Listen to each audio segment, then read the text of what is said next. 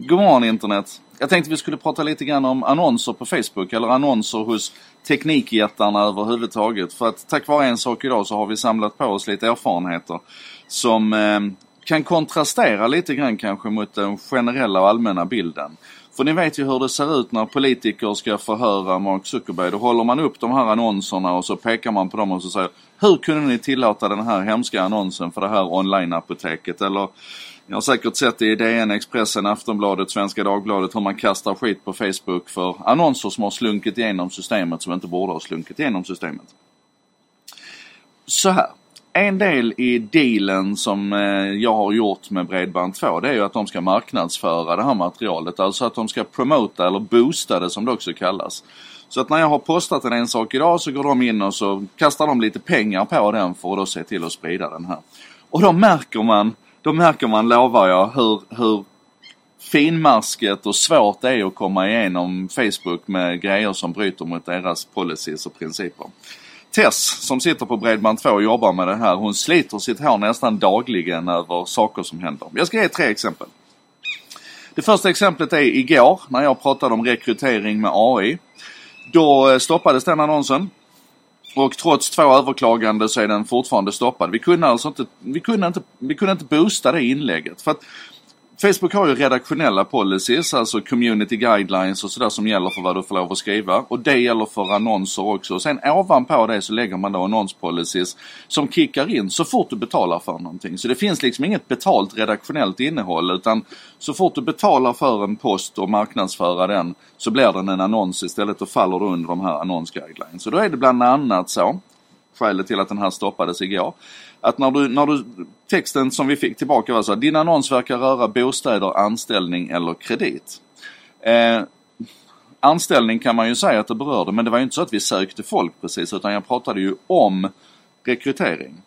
Men eftersom det här inlägget då kunde betraktas som att det berörde anställning och det var riktat från 18 år och uppåt, alltså de allra yngsta på Facebook, de vänder vi oss inte till med marknadsföringen. Så uppfattades det här som diskriminering. För att när du pratar om, om, om anställning till exempel så får du inte lov att diskriminera på ålder eller etniskt ursprung eller funktionsnedsättningar eller kön. Så så fort den var riktad mot 18 och uppåt så kickade spärren in och så sa det stopp för den annonsen. Är ni med på hur, hur finmaskigt och besvärligt det här kan vara? Eh, tidigare i veckan så pratade jag om en pubkedja som hade lämnat Facebook. Eh, och den skulle kunna bli stoppad på grund av att jag pratade om pub, för alkohol är man, är man väldigt så känslig mot. Men i det här fallet så stoppades den istället på att jag råkade säga fel. Jag sa amerikansk pubkedja istället för brittisk. Och då la jag in en text som visades i kanske en sekund ungefär där det stod brittisk utropstecken, utropstecken, utropstecken, pubkedja för att markera att jag hade sagt fel. Den texten den, den råkade hamna över den valda previewbilden och då stoppades den annonsen för man får inte lov att ha så mycket text över bilder i annonser. Sen hur känsligt det är. Eh, det tredje fallet eh, som också är intressant då, det är för ett par veckor sedan så pratade jag om min våg, min eh, Withings-våg. Och det företaget blev uppköpt av Nokia och då gick Nokia in med nya användaravtal så min våg blev ganska värdelös. Och där satt jag ju och nämnde Nokia ett par gånger i det, i det inlägget. Och det gick ju jättebra så länge det bara var ett inlägg men så fort det blev en annons när vi boostade den så sa det stopp för att jag sitter och pratar om ett varumärke och då är man superkänslig igen. Och det här är naturligtvis jobbigt och besvärligt för oss men samtidigt så säger det någonting om hur, hur mycket möda och, och besvär man lägger ner på det här. Och med tanke på hur mycket som stoppas för oss så skulle jag nog vilja påstå att man är rätt duktig på att fälla snarare än fria så fort det är tveksamheter. Och då kan vi ju skala upp det här till de förmodligen miljarder annonser eller boostningar, promotion som man försöker göra på Facebooks plattform varje dag och då är det ju inte så konstigt längre att någonting emellanåt slinker emellan, alltså slinker igenom. Så att vad jag, vad jag försöker säga här det är två saker. Ett, ta och gå iväg till eh, facebook.com policies slash ads och titta på det här regelverket och jämför med alla andra plattformar där du kan annonsera, DN eller Sydsvenskan. Försök hitta motsvarande policies hos dem så ser du här hur genomarbetat det är hos Facebook. Och det andra är att Givet den här volymen och skalan så måste vi nog ha lite överseende för att det ibland blir fel.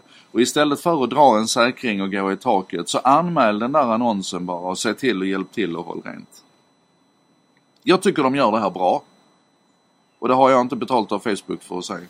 Jag tycker faktiskt att de, de precis som Google och, och, Twitter och de andra bildar lite grann skola här i hur man på ett ansvarsfullt sätt ska, ska hantera annonsmaterial. Så istället för att sparka på dem så borde vi lära av dem. That's it! Det här var en sak idag. Idag är det fredag. Det betyder att nu tar jag ledigt över helgen och vi ses igen på måndag. En sak idag produceras av mig, Joakim Jardenberg, med benäget bistånd ifrån Bredband2. Kämpa Tess! Vi gör ett jättegott arbete med att försöka trycka igenom boost på våra, våra inslag här. Ehm, och eh, det textas och översätts av Contentor, byrån som jobbar med modern marknadsföring och, och ehm, redaktionella texter på nätet. De jobbar också med översättningar och ser till att en sak idag finns på svenska och engelska eh, textat fram emot eh, lunch varje dag. Vilket grymt samarbete med Bredband2 och Contentor. Jag är så lycklig. Ses vi på måndag. Ha en bra helg!